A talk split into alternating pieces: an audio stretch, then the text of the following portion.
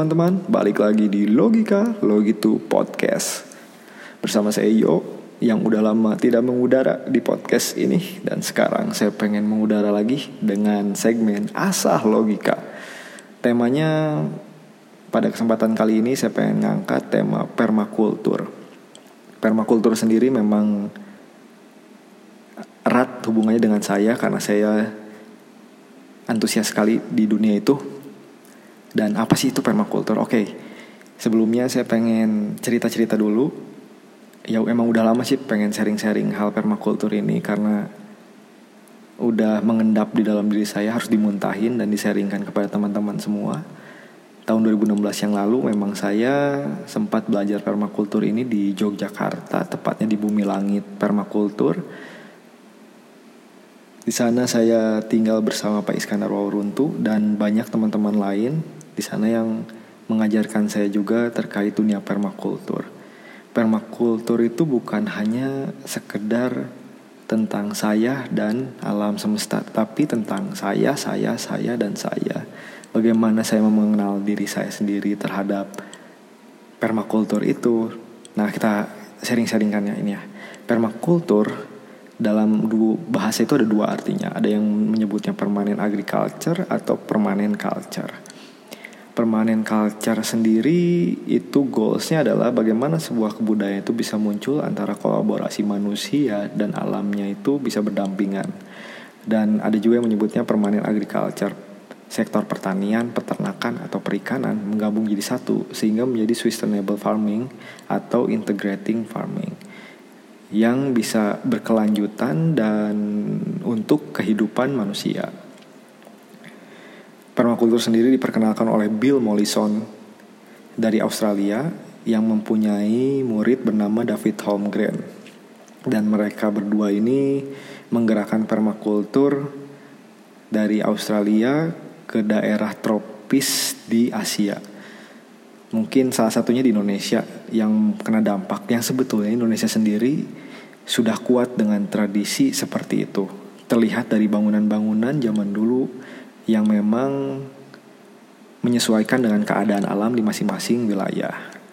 Namun ya secara teori kadang bangsa kita sendiri emang males mendokumentasikannya lewat tulisan. Makanya kadang kecolongan oleh bangsa lain. Tapi tidak apa-apa yang penting dalam hal teorinya disebut permakultur atau kalau saya sendiri tetap Indonesia ya ini tradisi Indonesia. Nah di permakultur sendiri ada tiga etika dan 12 prinsip. Kalau kita ngebahas etikanya sendiri ada tiga. Yang pertama peduli terhadap bumi, peduli terhadap manusia, dan berbagi adil. Peduli terhadap bumi, alam yang kita pijak, kita harus mengenal fungsinya seperti apa, dan kita harus berkenalan dengan mereka. Peduli terhadap manusia, sama manusia ya pasti kita akan saling membutuhkan untuk komunikasinya, untuk kebutuhan-kebutuhan yang lainnya sehingga itu harus kenal juga. Dan di antaranya kita harus berbagi adil dan mengenal antara alam dan manusia itu menjadi kolaborasi yang apik. Sehingga pada saat kenyataannya nanti pengaplikasiannya ada kol ada kolaborasi yang begitu bijak di antaranya. Sehingga etika permakultur ini menurut saya sangat dalam sih sebetulnya untuk kita renungkan lagi bahwa selama ini kadang saya juga melihatnya hidup di dunia ini hanya dengan manusia. Ternyata alam pun bukan hanya sebagai media tetapi mereka juga hidup yang sebetulnya bisa setara dalam artian yang lain bukan dalam hal pemikiran. Tetapi fungsinya bisa saling membantu. Asalkan kita sebagai manusia yang lebih dalam hal akal itu bisa bijaksana dalam menempatkan mereka seperti apa dan bagaimana. Dan selain ada etikanya tadi ada 12 prinsip permakultur prinsip-prinsipnya ya mungkin pertama prinsipnya kalau di permakultur sendiri ada observasi dan interaksi.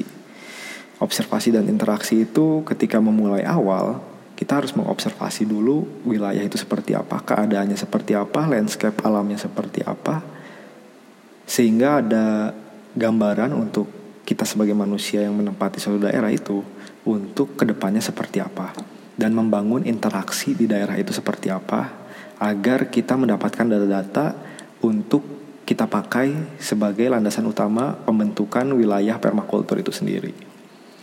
Yang kedua, prinsipnya adalah menangkap dan menyimpan energi. Ketika kita sudah melihat observasi dan interaksi, kita harus bisa menangkap dan menyimpan energi yang ada. Contohnya matahari. Matahari yang ada, kita bisa simpan itu dalam solar panel ataupun dan uh, aliran air. Aliran air bisa kita pindahkan membuat danau kecil, kolam-kolam kecil untuk disimpan energinya yang nanti sebenarnya ada di prinsip nomor tiga. Prinsip nomor tiga sendiri adalah memperoleh, memperoleh hasil. Dengan kita bisa menyimpan dan memanfaatkan energi, kita bisa memperoleh hasil yang kita inginkan karena kita punya kerjasama antara kita dengan alam secara bijak setelah kita sudah tahu nih rute rutenya dari tiga prinsip itu kita sudah mendapatkan hasil. Tapi kita bisa berpikir di prinsip nomor empat ada regulasi diri dan menerima masukan. Regulasi diri di sini kita melihat apakah yang kita lakukan ini sudah bijaksana atau belum untuk diri kita atau de dengan alamnya agar kolaborasinya tidak terputus. Dan siap menerima masukan dari manusia lainnya ataupun masukan dari gejala-gejala alam Apabila prinsip nomor 4 ini sudah dilewati, barulah prinsip nomor 5 memanfaatkan sumber daya dan pelayanan yang terpadukan atau terbarukan.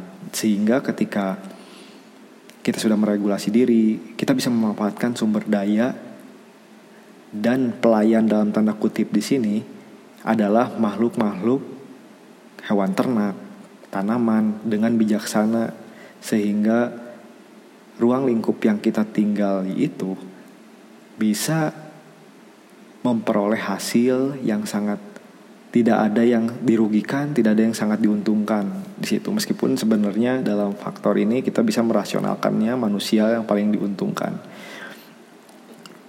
Dan nomor 6, prinsip nomor 6 itu tidak ada limbah. Sebetulnya kalau kita sudah bisa melihat dari prinsip nomor 1 sampai nomor 4, tidak ada limbah itu pasti terjadi karena kita sudah meregulasi diri, kita melihat hasilnya seperti apa, kita menyimpan energinya seperti apa, kita mengobservasinya seperti apa, sehingga limbah itu di, uh, kemungkinan kemungkinan besarnya sangat kecil untuk ter, untuk ada.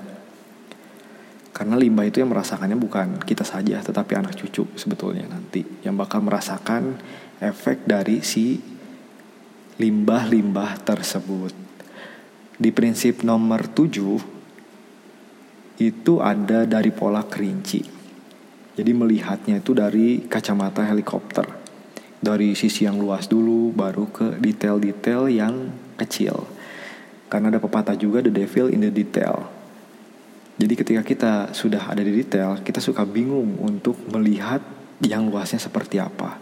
Mungkin bisa dibilang pola pendidikan sekarang dengan ya pengerucutan jurusan ataupun ada bidang ahli itu membuat kita menjadi berpikir dari rinci baru ke pola. Sebetulnya dibikinnya harusnya dari pola, dari pola dulu ke rinci.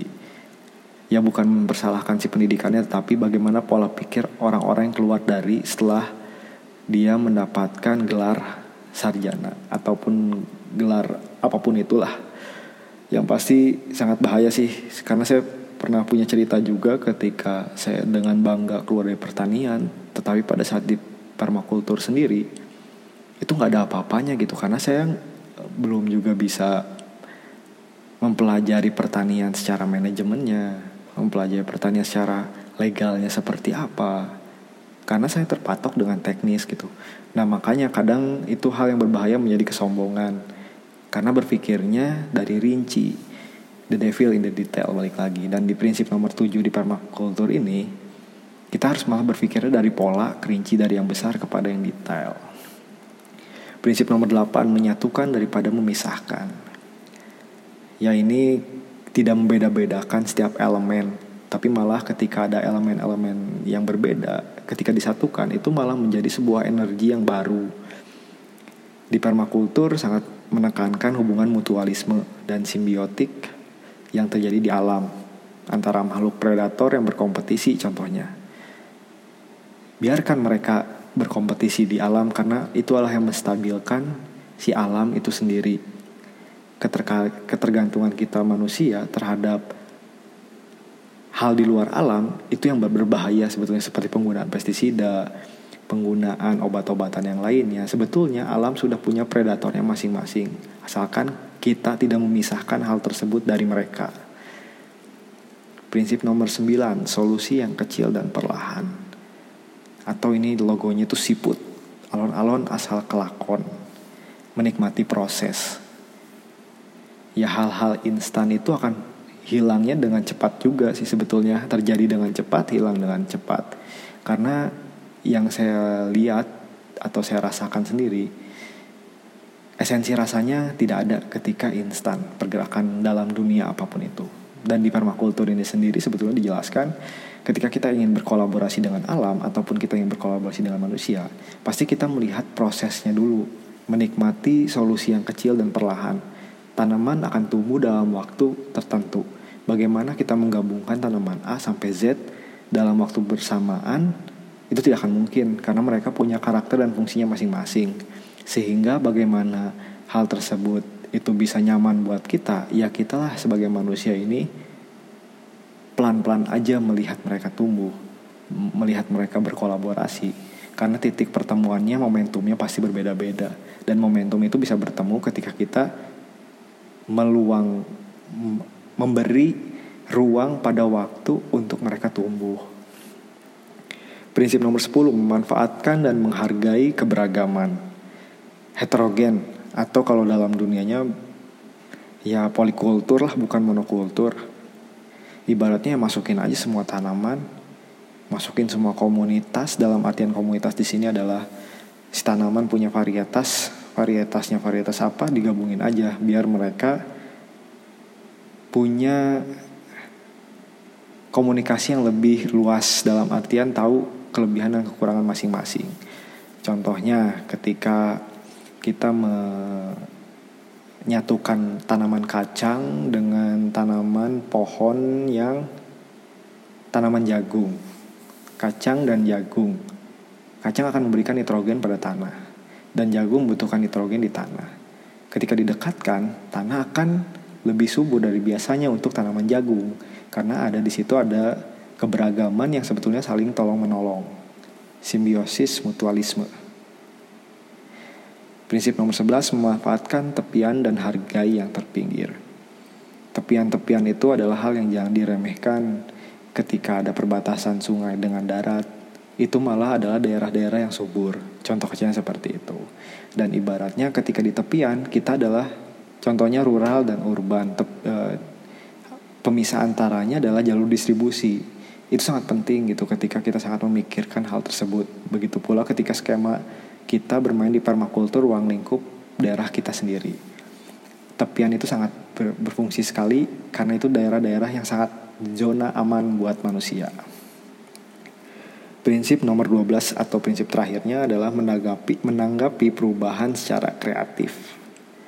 Ketika ada kreatif, di situ ada perbedaan unik selling pointnya tuh ada ketika manusia mempunyai daya kreatif, kita tahu fungsi masing-masing dari alam makhluk-makhluk alam, kita bisa memanfaatkan mereka secara bijak dengan cara kreatif yang bisa mengeluarkan energi masing-masing pihaknya itu secara bijaksana. Jadinya ketika kreativitas itu bisa jadi unik selling point atau unik dari si tempatnya itu terhadap manusia itu sendiri ataupun unik dari penggabungan kolaborasi antara makhluk-makhluk yang ada sehingga keberlanjutan dalam energi untuk kebutuhan manusia sendiri itu terpenuhi dan untuk alamnya juga bisa punya keindahan tersendiri.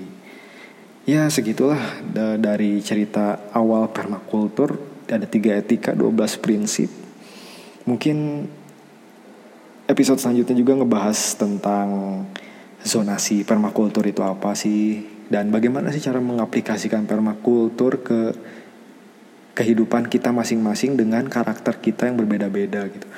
Ya mungkin nanti dibahas ketika podcast ini mungkin bisa episode ini bisa ngasih juga manfaat buat teman-teman.